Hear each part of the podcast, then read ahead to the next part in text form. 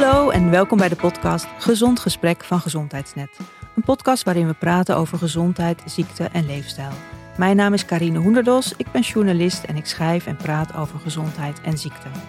Gezond Gesprek is de podcast van gezondheidsnet.nl, de nummer 1 website in gezondheid van Nederland.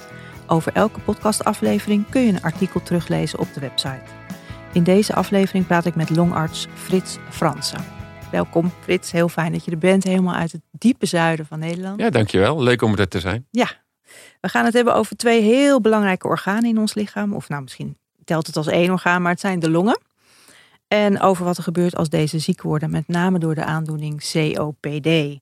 En misschien denk je nu als luisteraar, nou ik heb geen COPD, dus voor mij is dit niet interessant. Nou, ten eerste heb je dan veel geluk, daar zullen we het over hebben. Maar ten tweede kun je toch blijven luisteren, want Frits gaat veel vertellen over de longen en hoe je die gezond kunt houden.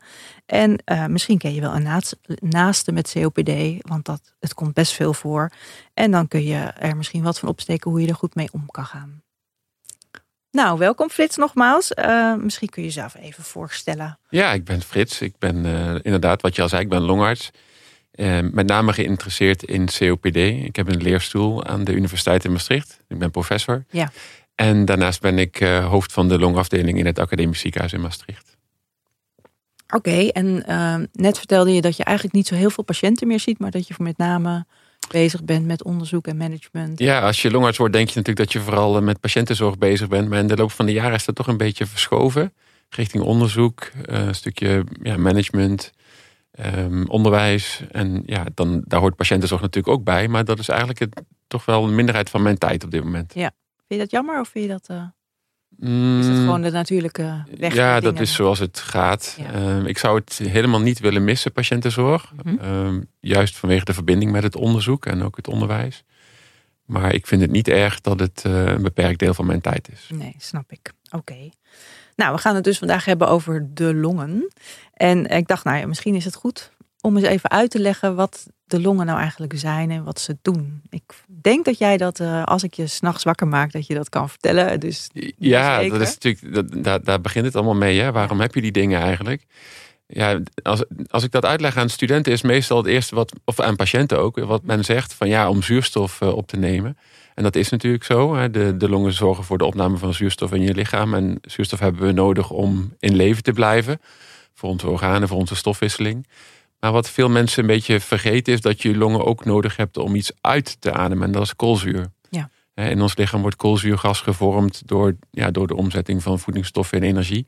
En dat moeten we kwijt. Want als we te veel koolzuur in ons lichaam hebben, dan gaat het lichaam verzuren. En ja, dat, dat herken je als je spieren verzuren. De, CO, de CO2 uit de landbouwcrisis nu ook. Hè? Dus de... Ja, ja, inderdaad. dus dus ja, de CO2 is niet goed voor, voor ons lichaam. Dan moet je kwijt. En dat, daar zijn de longen heel belangrijk voor. Ja, dus zowel zuurstof inhaleren als CO2 weer ja. uitademen. Zeker. Ja. En hoe zien ze eruit? Um, ja, hoe zien ze eruit? Um, dat is een beetje afhankelijk van, ja, van, je, van je blootstelling. Hè? Heb, je, heb je gezonde longen of, of niet? Um, nou, normaal gesproken, normaal gesproken zijn ze gewoon mooi roze, zou ik zeggen. Ja, ja. roze. Oké. Ja. En als je, ze, als, je ze, als je ze van binnen bekijkt, hoe werkt dat in de longen?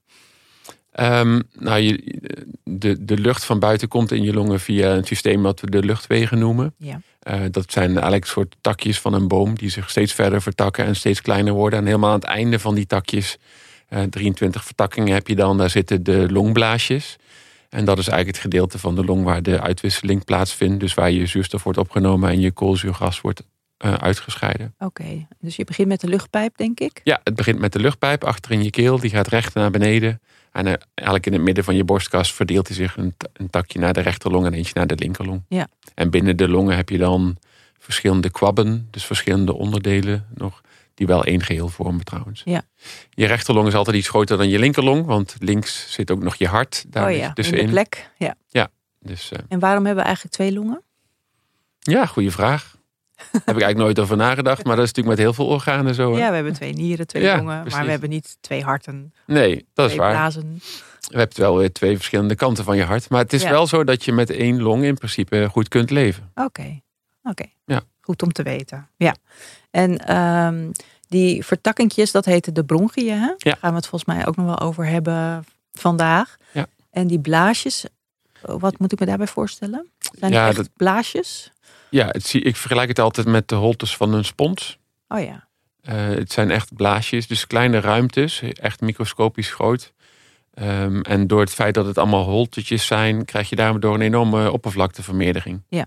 Je moet je voorstellen, het, aan, het oppervlakte wat je in je longen hebt, waar je zuurstof kan opnemen, is ongeveer de helft van een tennisveld. Dus één, één helft. Wauw. Dus dat is een enorme oppervlakte. Ja. Oké. En, En, en het bloed stroomt daar heel langzaam langs, waardoor die zuurstof nauw in contact komt met het bloed en je, en je dus die uitwisseling krijgt. Ja. oké. en hoe vaak haal je eigenlijk adem? Ja, een gezond iemand rond de 10, 15 keer per minuut ongeveer. Ja, ja.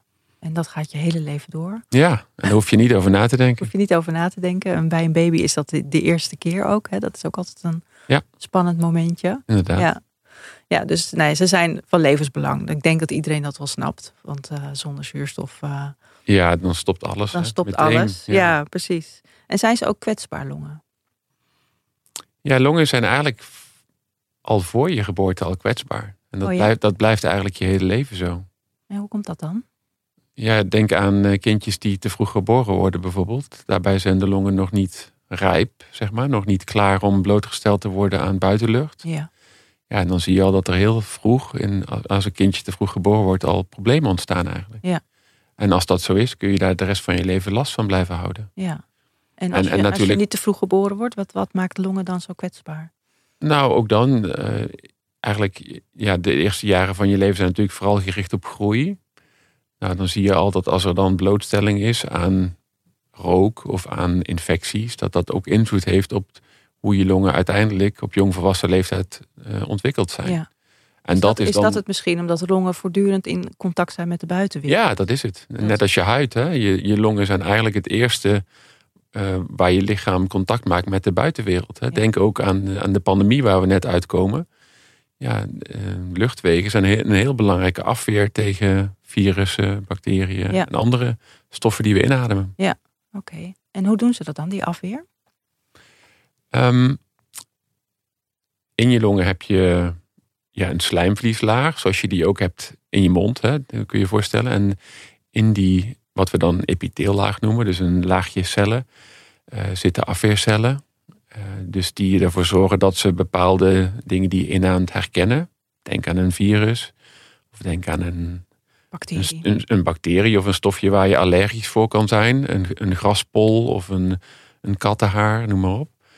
En, ehm, ja, je, en, en vanuit daar zijn er cellen die signalen geven naar de weefsels daaronder en naar de lymfeklieren. Waardoor bijvoorbeeld ontstekingscellen naar je longen worden toegetrokken vanuit het beenmerg. En daar een eerste afweer gaan vormen tegen virussen bijvoorbeeld. Oké, ja, dus in dat, Dus- dat slijmvies, dat, daar zitten cellen die dat herkennen. Ja. En op het moment dat er alarm is, dan wordt het afweersysteem in. eh, Meteen getriggerd. Ja, Meteen met, met het doel dus om die ja, om besmetting te voorkomen en om ja, het lichaam gezond te houden. Oké, En dat geldt zowel voor infecties, bacteriën, maar dat geldt ook voor stof en rook die je inademt. Ja. Ook daar eh, gaat het lichaam meteen proberen om daar een bescherming tegen op te werpen. ik, ik vermoed dat we het nog wel over roken gaan hebben. Ja. Gezien, de, eh, volgens mij dat- is dat het topic voor eh, veel longartsen en terecht natuurlijk. Ehm nou ja, oké, ze zijn dus heel essentieel en ze, en ze werken dus mee om ons lijf gezond te houden. En ze hebben ook nog een functie in de afweer. Hartstikke, hartstikke goede, goede dingen, die longen. En je moet ons. ook nog eens bedenken dat als we geen longen hadden, dan had je ook geen lucht langs je stembanden, konden we ook geen podcast opnemen. Wauw, oké. Zo belangrijk. Ja, nou ja, praten, communiceren, niet alleen Ja, voor podcast is Ja, maar ook daarvoor heb je longen nodig. Ja, oh, dat is leuk om dat te bedenken. Ja. Oké, dus dat is zover de functie van de longen. En nu zit ik tegenover een longenarts, dus dan gaat het toch vaak over wat gebeurt er als de longen ziek worden. Ja. Wat zijn nou veel voorkomende problemen die de longen kunnen krijgen? Ja, er- zijn ontelbare problemen met je longen. We, eigenlijk maken we altijd onderscheid tussen iets wat je acuut kan overkomen en iets wat chronisch is. Ja. En eh, dat is heel duidelijk ook in het ziekenhuis te zien. Hè. Op de longafdeling liggen met name mensen met acute longproblemen. Denk aan longontsteking. Ja. Denk aan mensen die een klaplong hebben. eh, of mensen die een longembolie hebben. Eh, dat zijn hele specifieke aandoeningen van de, van de longen die ja, een acuut begin kennen. En die, in, waarvan je in principe ook weer kunt genezen. Misschien heel kort even uitleggen wat een klaplong bijvoorbeeld is. Ja, een klaplong is, ehm, ik vergelijk het altijd met een ballon die knapt. Ja. Dus je longen zitten eigenlijk tegen de binnenkant van je borstkas aan, tegen de binnenkant van, de- van je ribben, door middel van een longvlies. En als je daar een gaatje in krijgt in dat longvlies, als dat scheurt bijvoorbeeld, of als je een ongeluk hebt, waarbij een rib bijvoorbeeld door dat longvlies heen prikt, Ja. eh, dan kun je een klaplong krijgen waarbij je long dus inzakt. Dus dan zakt je, komt je long los van de binnenkant van je ribben. En dat geeft vaak pijn en dat geeft vaak een benauwd gevoel. ja. En, dat En kan die dan een- ook helemaal niet meer functioneren? Of is het... Ja, je hebt allerlei gradaties. Ja, Soms ligt hij een beetje los, soms ligt hij helemaal los. Ja. En soms is dat heel spoedeisend, als daar een soort overdruk ontstaat in die ruimte. En soms is het iets minder erg. Ja, Eh, ja je hebt allerlei varianten. Ja. Maar het is wel iets wat, ehm, ja, wat, wat heel veel voorkomt wel. Net zoals longontsteking, de eerste die je noemde. Ik denk Ja. dat dat de meest bekende ziekte is van de longen. En wat, wat raakte dan precies ontstoken? Ja, bij een longontsteking is het vooral het longweefsel wat ontsteek, ontstoken is. Dus het is eigenlijk het ondersteunende weefsel rondom die longblaasjes, rondom die luchtwegen. Ja. Eh, je hebt eigenlijk gewoon pus in je long, zou je Ja. kunnen zeggen. Ja. Dat is heel akelig. Ja, En dat wordt meestal veroorzaakt door een bacterie. De pneumokokkenbacterie is een bacterie die in Nederland veel voorkomt. En die vaak longontsteking geeft. En dat moet je niet onderschatten. Er zijn toch wel veel mensen die daar ook aan overlijden. Dat is een belangrijke doodsoorzaak in Nederland. Vooral bij oudere mensen. Ja. Vandaar ook dat we gestart zijn een aantal jaren geleden met vaccinatie daartegen in Nederland bijvoorbeeld. tegen pneumokokken. Tegen pneumokokken, ja. Ja, oké. En wat zei je nou als laatste? Oh, de longembolie. Longembolie, ja, Ja. Dat is eigenlijk iets wat een beetje geassocieerd is met trombose. Mensen die bijvoorbeeld in een vliegtuig hebben gezeten en een trombosebeen krijgen. En als zo'n stolseltje in je benen loslaat. Ja, want trombose is een, is een, stols, een Trombo trombose is een stolsel in je bloedvat. Ja, Ja. En dat kan losraken. En dan bijvoorbeeld, ja, dan wordt de stroom opwaarts vervoerd. En dan zijn de longen eigenlijk het eerste waar het terecht komt. Ja. En dan loopt zo'n stolsel dus vast in de bloedvaten in je long. Waardoor je vaak ook pijn op je borst krijgt en kortademigheidsklachten. Ja. Best gevaarlijk volgens mij. Ja, dat kan, dat kan heel gevaarlijk zijn. Ja. Ja. Oké, maar dat zijn de acute dingen van het onderwerp van vandaag is eigenlijk eh, een, een Ja. of niet eigenlijk, dat is een chronische aandoening en dat is eh, COPD. Ehm, nou, wat betekent de letters COPD? Ja, COPD is eigenlijk een Engelstalige afkorting. Staat voor Chronic Obstructive Pulmonary Disease. In het Nederlands zeggen we chronische obstructieve longziekte. Chronische obstructieve, obstructief betekent Obstructief betekent dat de luchtwegen vernauwd zijn. Ja, Dus je, je hebt die takjes van de boom, maar je moet eigenlijk voorstellen dat die dan dus nauwer zijn, die takjes. Ja. oké. En, en, en chronisch wil zeggen dat het langdurig is en dat het ook blijvend is. Ja. Met andere woorden, dat je er niet beter van kan worden. In ieder geval niet, nog niet. Oké, nog. Toekomstperspectief Ja, volgt ja. misschien later nog, maar op dit moment is een aandoening die je niet kunt genezen. Nee. Oké, en, en wat voel je als je COPD hebt? Het probleem is dat je aanvankelijk eigenlijk niks voelt. Mensen komen vaak heel laat. Ja. op het moment dat ze kortademig worden bij inspanning. En dan moet je met name denken, mensen zeggen van ja, ik kan best een stukje lopen als het vlak is, maar op het moment dat het bergop gaat, of dat ik de trap op moet, of ik moet iets heel snel doen, dan ben ik buiten adem. Ja. Ehm, dat is eigenlijk de meest voorkomende klacht. Veel mensen klagen over vermoeidheid, die steeds erger wordt. En hoesten en slijm opgeven. Ja. Infecties. En je zegt van dat is dan eigenlijk laat. Hoe, hoe kan dat? Dus dan is er al heel veel schade. Ja, wat ik zeg, je, in het begin, je kunt met één long prima leven. Dus je kunt heel veel longfunctie verliezen voordat je er iets van merkt eigenlijk. ja, ja. is een beetje afhankelijk hoe zit het met de rest van je gestel. Eh, Heb je voor de rest een prima gezondheid en dan houd je je conditie goed. Ja, dan kun je dat best lang eh, Maskeren. maskeren eigenlijk. Ja. Ja. Oké. En dan komt zo iemand bij jou of bij een, een longarts en die zegt, of bij de huisarts eerst, eh, ik word inderdaad snel benauwd bij inspanning. Wat gebeurt er dan om de diagnose te stellen? ja, dan kijken we allereerst wat is, wat is de kans dat iemand daadwerkelijk COPD heeft. En dan kijk je vooral naar risicofactoren. Ja. Wat zijn de risicofactoren? Ja, de belangrijkste risicofactor is roken, in ieder geval in Nederland. Ongeveer eh, 80 tot 85 procent van de mensen met COPD in Nederland heeft gerookt of rookt nog steeds. Hmm. In andere delen van de wereld is dat percentage veel lager. Omdat er daar bijvoorbeeld ook binnenshuis gekookt wordt op houtskool in ontwikkelingslanden. En dat is een hele Maar belangrijke... zeggen, dat komt niet omdat er dan minder gerookt wordt. per Nee, se, maar maar, dat er zijn nog een- andere factoren. Ja, precies. En, dat is omdat ja, mensen wonen daar in, hele, in omstandigheden met hele slechte luchtkwaliteit binnen. Ja. En dat is een hele belangrijke risicofactor. Oké. Eh, dus, dus dat doen we. We kijken naar risicofactoren. En dan eh, doen we meestal als eerste stap een longfunctieonderzoek. We noemen dat een spirometrie. Een spirometrie, ja. Dan word je aangesloten op een eh, apparaatje. Krijg je een, een mondstukje in, een knijper op je neus. En dan wordt er gevraagd om zo diep mogelijk in te ademen. En dan zo hard en snel en diep mogelijk uit te blazen. En het apparaat meet dan hoeveel lucht je bijvoorbeeld in één seconde kunt uitblazen. Ja, je moet je voorstellen, als je luchtwegen vernauwd zijn, dan is dat moeilijk om die lucht uit te blazen. Want je krijgt hem dan, je moet, ja, je moet die lucht als het ware door een hele smalle buis persen. Ja. En dat gaat dus minder goed. Dan heb je dus minder volume. Ja. Wat je dan uitblaast. Ja. Minder volume in één seconde. Ja. En dat, eh, ja, dat is dan een maat voor, eh, voor COPD. En eh, is er verder dan nog een, een inwendig onderzoek nodig? Of een Nee, MRI of Nee. weet ik veel? nee eigenlijk niet. Eigenlijk de, manier waarop we, nu, waarop we nu de, de definitie stellen is puur aan de hand van klachten, blootstelling en die longfunctiemeting. En daar zijn wel ernstige beperkingen aan hoor. Ja, Want, want die, je kunt longfu- niet, die longfunctiemeting. longen kijken dus. Nee, en die longfunctiemeting die wordt pas heel laat afwijkend. Dus voor vroege veranderingen als gevolg van roken is die eigenlijk niet gevoelig. Hmm. Dus er zijn ook wel initiatieven dat we zeggen, nou moeten we niet andere manieren gebruiken om die diagnose te stellen. En jij, jij noemt MRI. En wij gebruiken dan meestal CT-scan, dus Ja. computertomografie-scan. Eh, en dat is, ja, dat is wel iets waar we denk ik naartoe gaan in de toekomst. Dat we die scan gebruiken om die diagnose te stellen. Alleen je moet je voorstellen, ja, een huisarts heeft die scan niet ter beschikking. Nee, dan moet je sowieso weer naar, de, naar Eh, het ziekenhuis. Ja, en in heel veel ontwikkelingslanden is dat ook niet mogelijk. Dus ja, dan, dan, dan wordt het wel moeilijker om de diagnose te stellen. En dat wil je eigenlijk ook niet. Oké, dus maar tot nu toe is het dus zo dat de diagnose wordt eigenlijk gesteld aan de hand van het functieverlies. Klopt. Oké.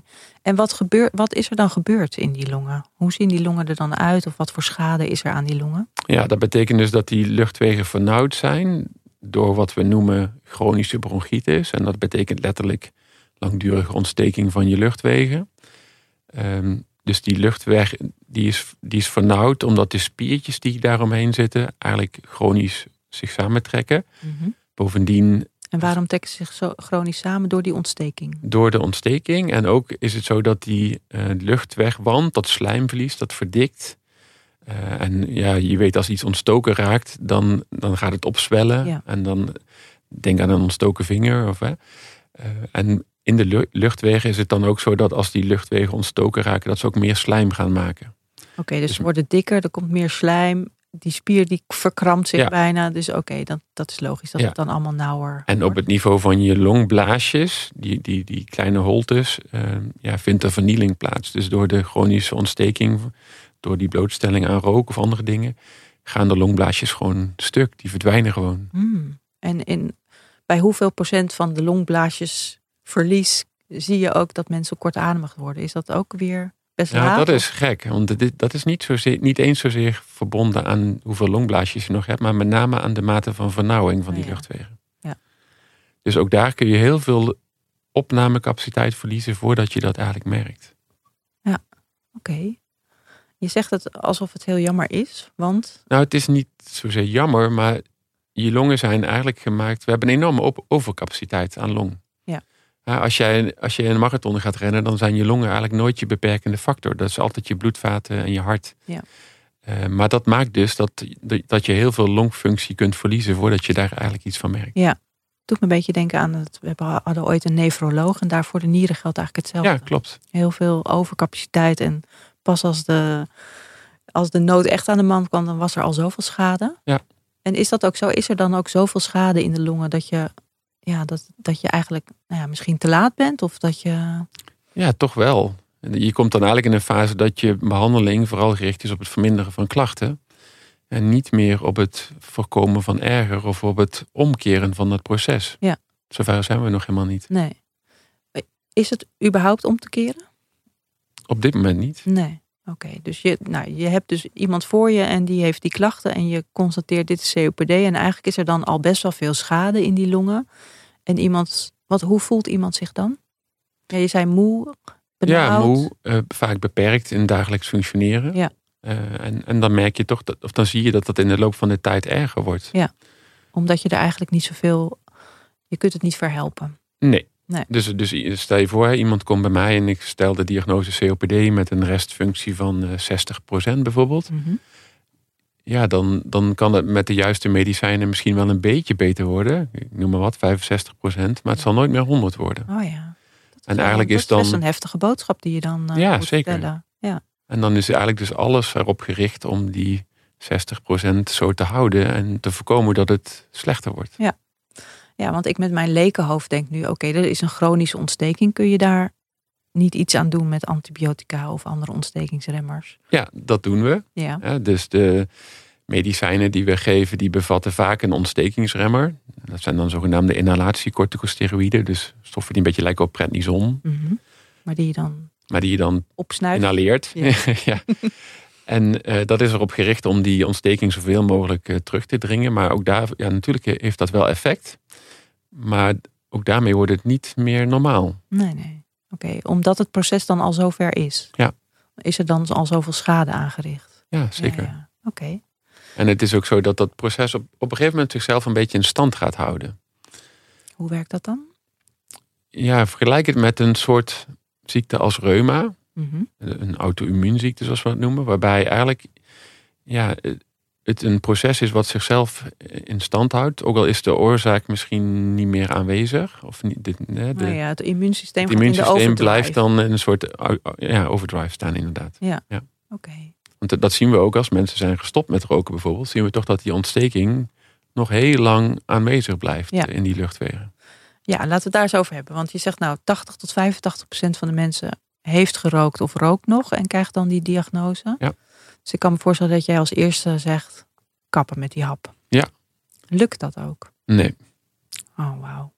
Nee, zelfs niet als je die diagnose COPD hebt. nee, we weten uit heel veel onderzoeken, zowel van COPD-patiënten die bij de huisarts zijn vastgesteld als bij de longarts of mensen zelfs die in een specialistisch centrum komen, dat ongeveer een derde van de mensen nog steeds rookt. Een derde, twee derde lukt het wel na die diagnose en een derde blijft roken. Ja. En hoe komt dat? Ja, ik, ik denk dat dat komt omdat roken heel verslavend is. Ja. Ja, we hebben En- al een eerdere aflevering met Wanda de Kanter, daar hadden we het net ook al Ja. even over. De longarts die strijdt tegen roken. Ja.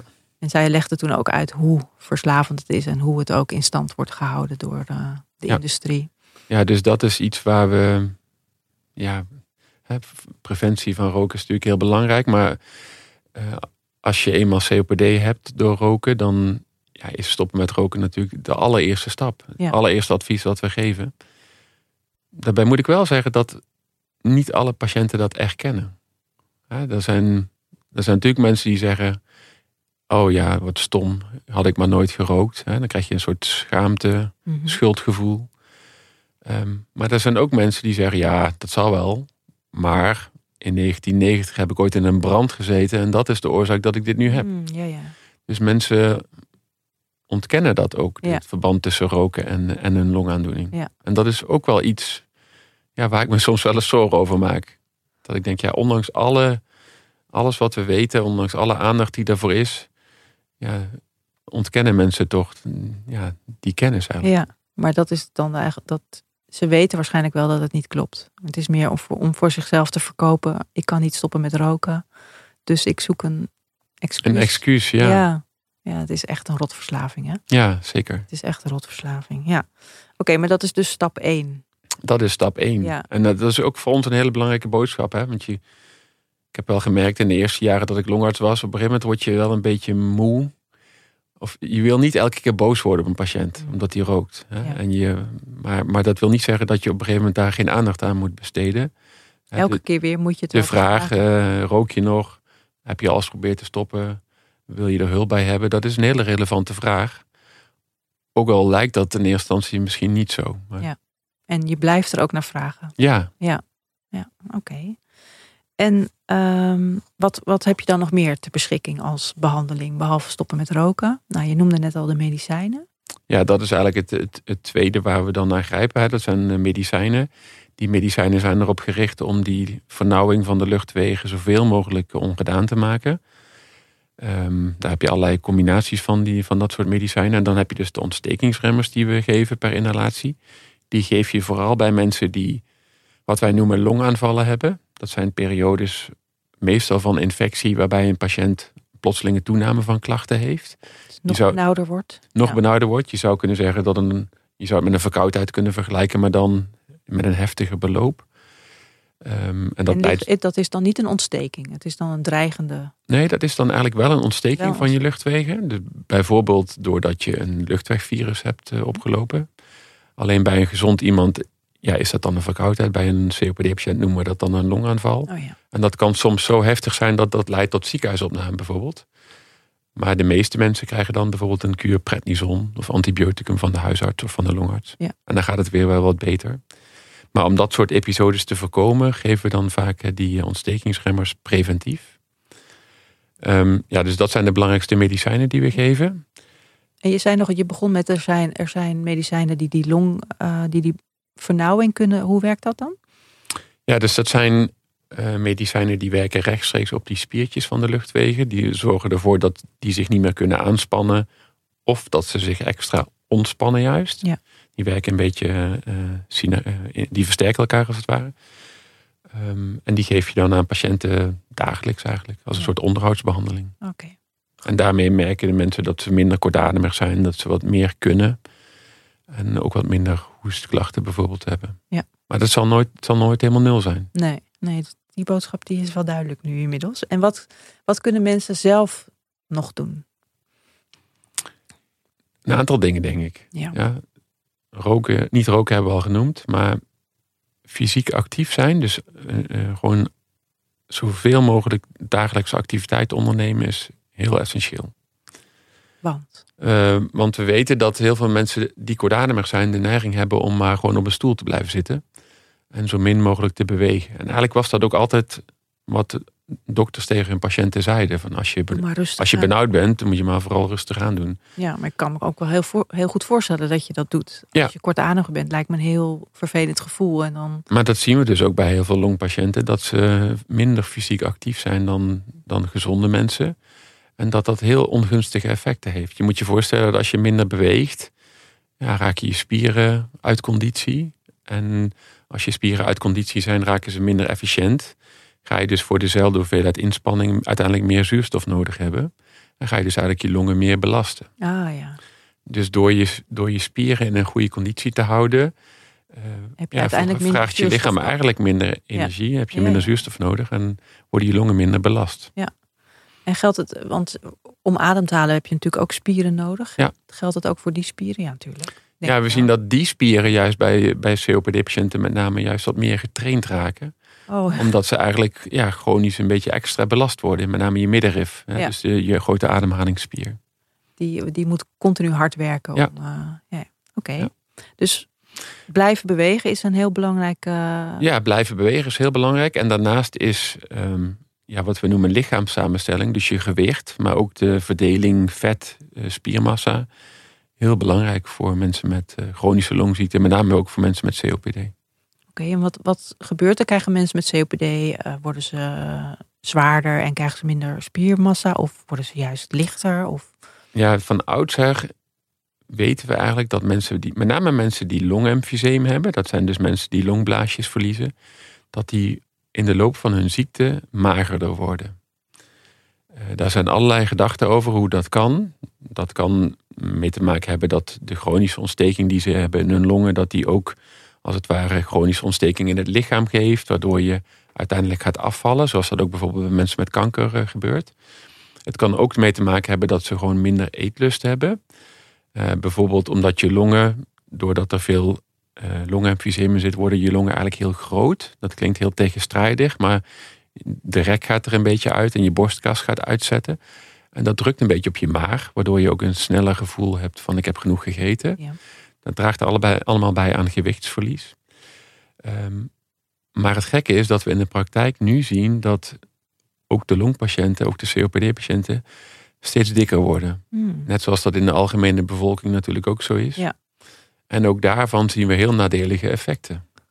Want als je zwaarder wordt, dan heeft dat ook effect op je ademhaling. Op welke manier Ja. dan? Zeker, als je zwaarder wordt, eh, belast dat je longen meer. Ook daarvan geldt, hoe meer lichaamsgewicht je hebt, hoe meer zuurstof je lichaam nodig heeft. Dus je longen raken Ja. meer belast. En dat geldt, nog, dat geldt ook onafhankelijk of je nou een longziekte hebt of niet. Ja.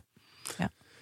Eh, bovendien is het zo Is dat als je... overgewicht daarmee ook een, een risicofactor voor COPD? Of dat niet? Nee, dat is niet zo. Nee. Eh, juist is het zo dat als je ondergewicht hebt, dat je en je gaat roken, je waarschijnlijk een wat hoger risico hebt om COPD te krijgen. Oh, ja. Overgewicht lijkt daar een beetje beschermend te zijn. Eh, maar dat geldt dan weer niet voor mensen met astma bijvoorbeeld. Daar is overgewicht juist wel weer een risicofactor om astma te krijgen. Oh, het Maar dat is allemaal ingewikkeld. ja, Maar dat moet je, je moet je voorstellen, als je, als je meer gewicht hebt, dan op zich ben je al meer kortademig. Dat is ook Ja. iets wat, ook wat gezonde mensen met overgewicht vaker rapporteren. Oké, dus het is belangrijk om op een juist gewicht, een gezond Niet- gewicht te blijven. Niet te licht en niet te zwaar. Ja. Dat is essentieel. Ik kan me voorstellen dat die, die medicijnen die jij noemde, prednison, is natuurlijk ook al ontzettend be- berucht, omdat het eh, gewichtstoename Klopt. eh, geeft. Dus dat is vaak een spagaat waar je als patiënt in terechtkomt. Ja. Eh, Je wordt zwaarder door de medicijnen die je nodig hebt voor je ziekte. En dat heeft dan weer een ongunstig effect op, op je aandoening. Dus dat is lastig. Datzelfde geldt ook voor mensen met COPD die zwaarlijvig zijn en nog steeds roken. Ja, wat ga je dan doen? Hè? Want als je weet, je weet als je gaat stoppen met roken, word je vaak nog zwaarder. Oh ja. Dus ook daar is dan. Ik denk toch dat roken dan wint als eh, effectieve factor, of niet? Ja, dat ben ik heel met je eens. Ja. Maar voor sommige mensen is dat Maar- dan een argument van, oh ja, dan word ik nog zwaarder. Precies. Oké, dus zorg voor een goed lichaamsgewicht. Hoe moeilijk dat waarschijnlijk ook is, want je bent moe en je bent, en je bent benauwd. Dus bewegen is lastig en soms heb je weinig eetlust. Ja. voorstellen als je heel moe bent, dat je ook niet de energie hebt om te zeggen, nou ik ga eens even lekker uitgebreid eh, een salade maken of eh, Nee, koken. Klopt. En daarbij speelt ook toch wel mee de sociaal-economische omstandigheden van veel mensen met COPD. Oh ja, wat is dat dan? Nou, je ziet toch wel dat met name roken eh, niet in de hoogst opgeleide milieus in Nederland het meest voorkomt, laat ik Ja. het zo zeggen. En dat ook voedingsgewoonten natuurlijk, als je, als je minder te besteden hebt. Ja, ehm, dat is die gezondheidskloof die er is tussen, eh, Ja. tussen de beter opgeleide en de meer verdienende mensen. En, eh, Ja, Ja. Dus, dus het bereiden van een gezonde maaltijd is voor veel mensen met COPD een grotere uitdaging dan, dan voor andere mensen. Oké. Goed. Eh, Ja, en wat daarnaast nog, eh, denk een belangrijke factor is toch ook onderwijs aan mensen met eh, COPD. En dan heb ik met name over ja, wat, is gezonde, wat is een gezonde leefstijl. Ja. Eh, dat gaat natuurlijk over roken en bewegen en voeding, maar dat gaat ook over het vermijden van een omgeving waar de, gezond, waar de lucht niet goed is. Hè. Het vermijden van blootstelling aan meer roken bijvoorbeeld. Ja. Veel mensen hebben een partner die rookt. En dan kun je wel zelf gestopt zijn, maar als je partner nog steeds eh, binnenshuis zit te roken, ja, dan, dan gaat die ontsteking in je longen natuurlijk gewoon door. dat soort factoren zijn ook belangrijk. Ja, dus ook En daar hoe- moet Hoe je. zit het met stress? Want het lijkt me ook echt wel een, een aandoening die veel stress met zich meebrengt. Ja, klopt. Veel mensen hebben zorgen over ja, de achteruitgang van hun gezondheid, de toekomstperspectieven.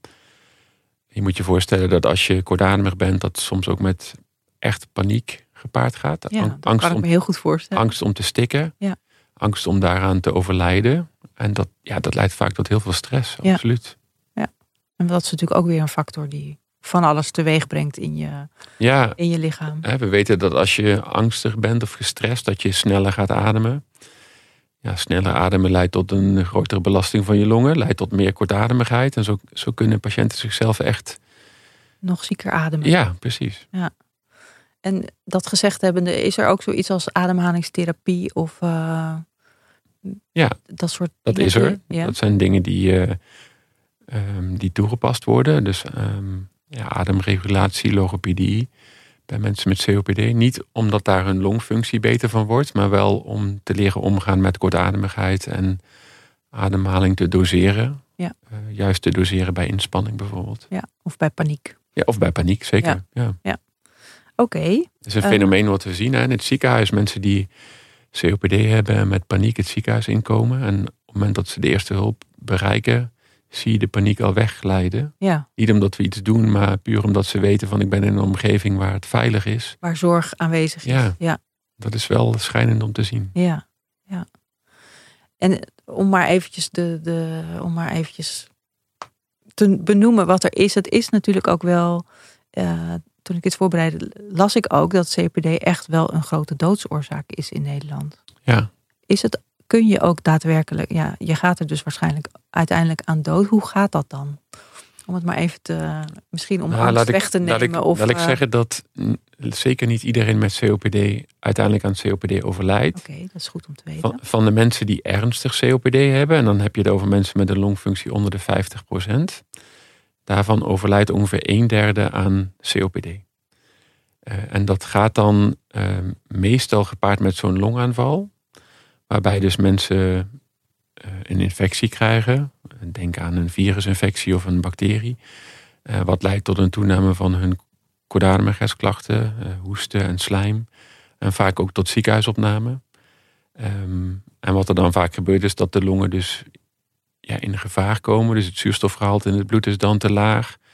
Het koolzuurgehalte raakt verhoogd omdat je longen niet meer in staat zijn om het uit te blazen. En als je koolzuurgehalte verhoogd wordt, met name als dat vrij acuut gaat, dan verlies je eigenlijk je bewustzijn. Hmm. Je raakt daarvan in coma. Ja. En daardoor uh, ja, krijg je dat eigenlijk op een gegeven moment niet meer mee. Ja. En dat is voor heel veel mensen wel een geruststelling. Ja, het is niet zo dat je echt snakkend naar adem uh, stikt. Nee, dat is natuurlijk het, precies hetgene waar iedereen bang voor is. En wat, wat een belangrijke taak is voor ons om dat te voorkomen. Dat je, ja, je ziet natuurlijk wel dat mensen aanvankelijk kortademig zijn, maar dat we medicijnen geven om die kortademigheid te verminderen. Ja. En dan moet je denken aan eh, een medicijn als morfine bijvoorbeeld. Ja, oké. Nou, misschien is dat een geruststelling voor mensen die luisteren en denken: shit, het is echt. Uh... Ja, wat, wat wel belangrijk is om te zeggen dat uh, want je vraagt je dan af, waar gaan mensen met COPD dan wel aan dood? Mm dat longkanker daar wel een heel belangrijke rol bij speelt. Oh, ja, omdat veel rokers COPD krijgen? Nou, niet alleen dat. Uh, natuurlijk is het zo dat roken een risicofactor is voor zowel COPD als longkanker. Maar als je COPD hebt, is je kans op longkanker ongeveer zes keer hoger dan als je een de zaakjes gezonde roker bent. Oh, en hoe komt dat dan? Waarschijnlijk door die chronische ontsteking van je longen. Ja. Misschien is het zo dat er gezamenlijke risicofactoren zijn, genetisch gezien. Ehm, Voor longaandoeningen aan zich? Ja, waardoor COPD en longkanker echt hand in hand gaan vaak. Ja. En dat is ook een van de redenen dat we zeggen je moet stoppen met roken. Omdat je daarmee je risico op longkanker bij COPD, ja, omdat het zoveel groter is. Ja. Um, ja. Nog een extra reden om. Uh... Ja, zeker. Ja. Oké. Ehm, waar, je, waar ik aan dacht met het, uh, met het COPD zijn de mensen met zuurstof in hun neus, van die uh, zo'n slangetje. Wanneer wordt dat toegepast? Ja, zo'n zo'n slangetje is echt ja, het stereotype van een uh, longpatiënt natuurlijk. Dat geven we eigenlijk alleen bij mensen met COPD die chronisch zuurstoftekort in hun bloed hebben. Daar hebben we bepaalde afkapwaardes voor.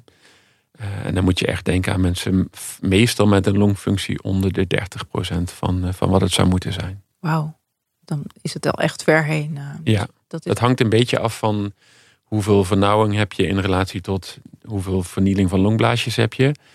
Um, maar dat zijn echt de mensen met heel ernstige COPD. Ja. De meeste mensen komen gelukkig niet zo ver. Nee, en wat ik me dan afvraag is, dus misschien een hele domme vraag, maar ja, die bestaan niet. die zuurstof die je dan uh, binnenkrijgt, heb je, heb je daar dan die longblaasjes alsnog voor, voor nodig om die in je bloed te krijgen? Of dat... Ja, zeker. Ja, oké. dus... ja, je moet je voorstellen, je geeft 100% zuurstof via zo'n brilletje. We, we ademen normaal gesproken 21% zuurstof via de buitenlucht. En we verhogen dat nou, tot ongeveer 25% met zo'n zuurstofslangetje. Ja, maar nog dus steeds zijn die longblaasjes nodig om... Die longblaasjes heb je altijd nodig. Om die zuurstof uh, naar je bloed te brengen. Zeker. Ja, oké. Nou, Goed, misschien was het een domme vraag. Nee hoor. Nee. um, hoe zit het met uh, longrevalidatie? Want ik zag bij jouw functieomschrijving dat je daar je hart voor maakt. Ja, zeker. Ja, dus longrevalidatie is een, eigenlijk een combinatie van behandelingen. Met name niet medicamenteus, zoals we dat noemen. Dus alles wat om, rondom leefstijl en bewegen is. Um, ja, en ik denk dat dat een heel belangrijke behandeling is voor mensen met COPD. Vaak wordt gezegd, longrevalidatie is trainen. Gewoon inspanningstraining. Sport. Maar, maar eigenlijk is het veel meer dan dat. Wat is het dan en waar kun je dat doen? Ehm, nou, in Nederland kun je dat op allerlei manieren doen. De meeste mensen beginnen dat inderdaad met trainen bij een fysiotherapeut. Van het ziekenhuis? Of, uh... Nee, er zijn heel veel eerste lijns fysiotherapeuten, gewoon in de buurt, die dat aanbieden. En dan moet je je voorstellen dat je daar als patiënt naartoe gaat en dat je een programma krijgt wat twee of drie keer per week gegeven wordt, waarbij je dan ja, op een loopband of op een fiets gaat trainen om je spierconditie te verbeteren. Of je doet krachtoefeningen van je armen of benen. Ja. Um, om die spiermassa in stand te houden. Precies. Um, maar goed, ik zei al, longrevalidatie is eigenlijk iets meer. Daarbij hoort ook zeker een stukje onderwijs richting je patiënt. dus wat de factoren die we al noemden, maar bijvoorbeeld ook ja, hoe moet je je longmedicijnen gebruiken en waarom moet je dat doen, dat soort dingen. En daar hoort er ook bij aandacht voor je lichaamssamenstelling, dus aandacht voor dat gezonde gewicht, uh, psychologische begeleiding, aandacht voor die angst, voor die stress, voor die paniek. Um, soms ook ergotherapie. Uh, hoe kun je nou met je aandoening en met je beperkte longfunctie zo handig mogelijk dingen in het dagelijks leven doen. Ja. Um, en daar hoort ook een stukje medische zorg bij, denk ik. En is dat dan is dat een, in een groep of is dat uh, individueel? Nee, meestal is dat in een groep. Ja, ja. En ook daar vind ik het, het lotgenotencontact wel heel belangrijk. Ja. ja. Is er ook zoiets als een patiëntenvereniging? Vast wel. Zeker, ja. Ja, die zijn er. Het Longfonds heeft, een, uh, heeft voor allerlei, allerlei longaandoeningen groepen. Zo ook voor COPD. Ja. En zo zijn er ook op internet, op Facebook allerlei uh, COPD-groepen bijvoorbeeld. Ja, oké. Um, en hoe lang, hoe, la, hoe lang duurt gemiddeld het proces? Je krijgt de diagnose. Hoeveel jaar? Dat is een hele moeilijke vraag. Hoe oud ben je dan gemiddeld om te beginnen? Is dat iets, eh, heb je nou, dertigers met COPD of is het nee, meestal nee, ouder? Nee, eigenlijk is het zo dat je risico op COPD vanaf 40 jaar begint toe te nemen. En we kijken dan meestal ook naar hoeveel heeft iemand gerookt. We drukken dat uit in wat we noemen pakjaren. Een, een pakjaar is als je één jaar lang één pakje sigaretten per dag hebt gerookt. Een pakjaar. Ja. En we zeggen eigenlijk als je meer dan tien pakjaren hebt in je leven, dan heb je een verhoogd risico om COPD te krijgen. En dat is dan gerelateerd aan leeftijd. Dus dat ontstaat vanaf je veertigste. Maar stel je begint op je, 40, op je dertigste met roken of op je twintigste en je stopt op je dertigste. Maar je hebt wel dus tien pakjaren. Heb je dat dan nog alsnog later risico op COPD? Ja, dat risico heb je wel. Maar het is wel zo, hoe, hoe vroeger je bent gestopt, hoe lager dat risico is. Ja, ja.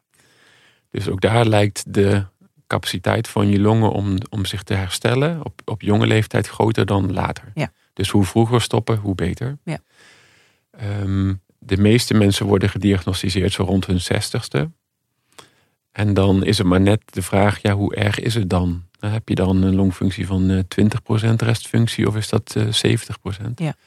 En ja, wat doe je dan vervolgens? Ga je dan door met roken of niet? Ja.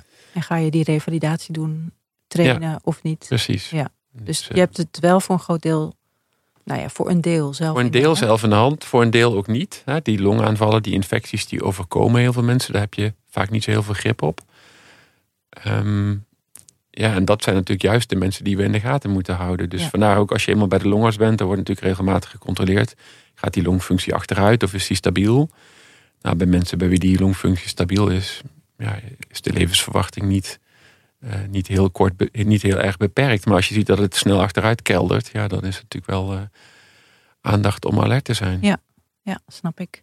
En nou had je, zei je al heel in het begin van, eh, nou ja, de, eh, eigenlijk is, het, is er niets aan te doen in de zin van genezing. Hè? We kunnen dus zorgen dat het proces zo langzaam mogelijk gaat.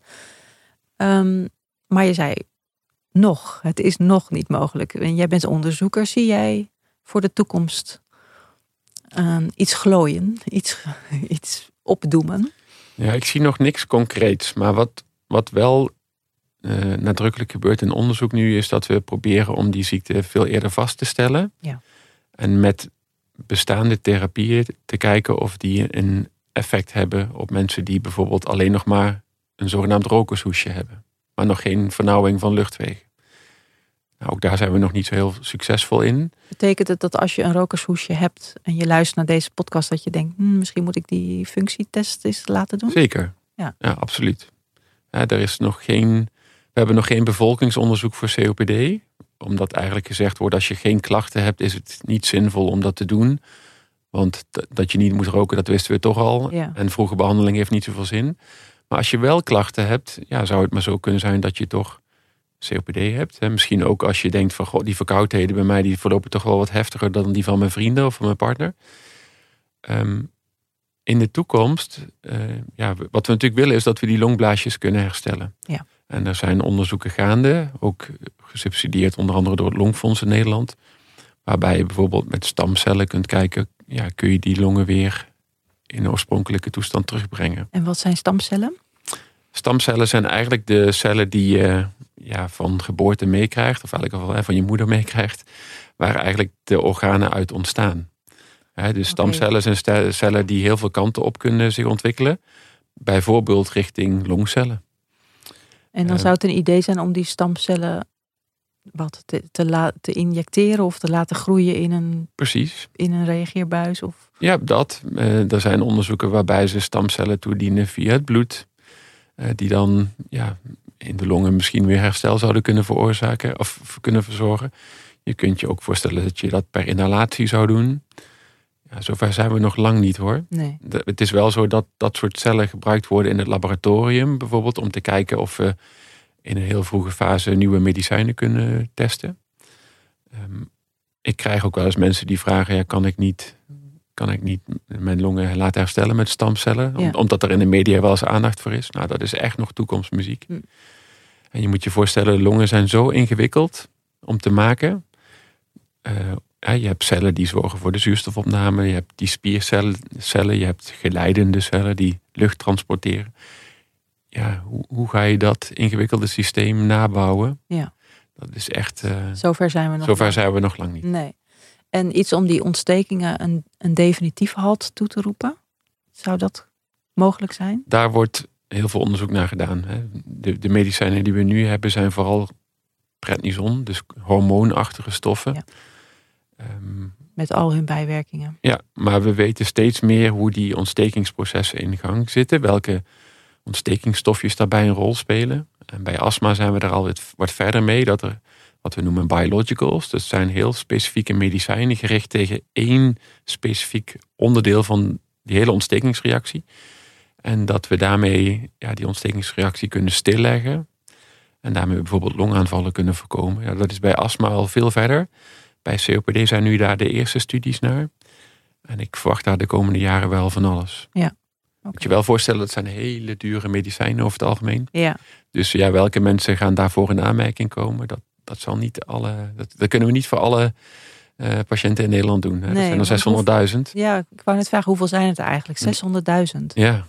Wauw, dat is echt veel. Ja, ja, dat is echt veel. En neemt het toe of neemt het af? Het neemt nog steeds een beetje toe. Hmm. Um, omdat we met z'n allen nog steeds heel veel roken. Nog steeds ongeveer 1 op 5 van de volwassenen in Nederland. En omdat we met z'n allen veel ouder worden. Ja. En veroudering op zich is ook een risicofactor voor, uh, voor COPD. Want dat kan ook. Je hebt je hele leven lang niet gerookt. Um, je hebt niet uh, binnen je potje gekookt. Of wat was het ook weer? Ja. ja. En je bent in goede conditie. Maar puur door het ouderdom worden je longen Ja. toch langzaam maar zeker slechter. Precies. Ja. Ja, dat- geldt voor al je organen. Dat geldt ook voor je ogen en je spieren. Uiteindelijk worden je longen, wordt je longfunctie ook minder naarmate je ouder wordt. Oké. Goed, dus het is nog, er is nog veel te onderzoeken en er is nog veel eh, uit te vinden. En eh, het is wel echt een aandoening waarbij je zelf een aandeel kunt hebben om het beter te maken. Ja, zeker. En wat ik al aan het begin aangaf, veel mensen hebben een schuldgevoel. En ik denk dat het belangrijk is dat we dat als zorgverleners proberen tegen te gaan. En natuurlijk, Zo van, ik heb het zelf... eh, ik heb het zelf veroorzaakt. Hè? Maar nogmaals, je, je wordt niet uit jezelf verslaafd. Hè? Dat ben je gemaakt. Ja. En je moet geholpen worden om daar vanaf te komen. En, en ja, wat je al zei, mensen kunnen ook COPD krijgen als ze niet gerookt hebben. Bijvoorbeeld als ze een bepaalde genetische aanleg van hun ouders hebben meegekregen. Dat komt echt wel in families voor. Ja. Het is ook niet zo dat iedereen die rookt COPD krijgt. Ook dat is ongeveer een kwart van de rokers maar. Ja.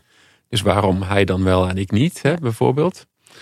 Ehm, Dus het is zeker niet eigen schuld, uh, nee, COPD-bult. Nee. Ben je te vroeg geboren? Is dat ook een risicofactor waar je zelf geen invloed op heeft? Heeft je moeder gerookt bijvoorbeeld? Ja. dus er zijn heel veel factoren buiten jezelf die, die meespelen. Ja, nou dat is wel uh, goed om te benadrukken. Dank je wel daarvoor. Ja.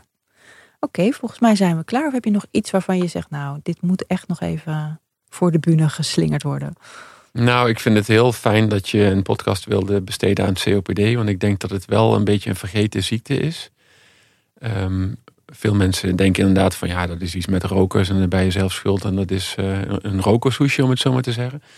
En dat leidt er ook een beetje toe dat er eigenlijk, als je het vergelijkt met andere chronische ziekten, er heel weinig onderzoeksgeld beschikbaar wordt gesteld voor COPD. Ja. Terwijl het zo'n veel voorkomende ziekte is. En dat we op die manier dus eigenlijk de afgelopen decennia maar heel weinig vooruitgang hebben geboekt. Dus ja, laat het een soort oproep zijn. Ja, mensen. Om toch. Uh, om uh, toch ja, beleidsmakers, onderzoeks... maak hier geld voor vrij. Ja, ja. zeker. Dat snap ik. Oké, okay, dankjewel Frits. Ja, dankjewel. Je luisterde naar Gezond Gesprek, een podcast van Gezondheidsnet, gepresenteerd door Karine Hoenderdos en met producer Jonne Serize. De Yearlings maakte voor ons de tune. Wil je meer weten over het onderwerp van deze podcast? Kijk dan zeker op gezondheidsnet.nl. En wil je reageren? Dat kan, dat vinden we heel erg leuk. Je kunt reageren via Vriend van de Show, een high five geven, een opmerking achterlaten of een extra vraag aan onze gast stellen. Alles kan. Vriend worden van Gezond Gesprek kan ook al voor 1,50 per maand. Kijk op vriendvandeshow.nl en zoek naar Gezond Gesprek. We zijn verder heel blij als je deze podcast deelt, bijvoorbeeld onder je vrienden of via social media. Dan kunnen meer mensen onze podcast vinden. Tot de volgende keer. Tot het volgende Gezond Gesprek.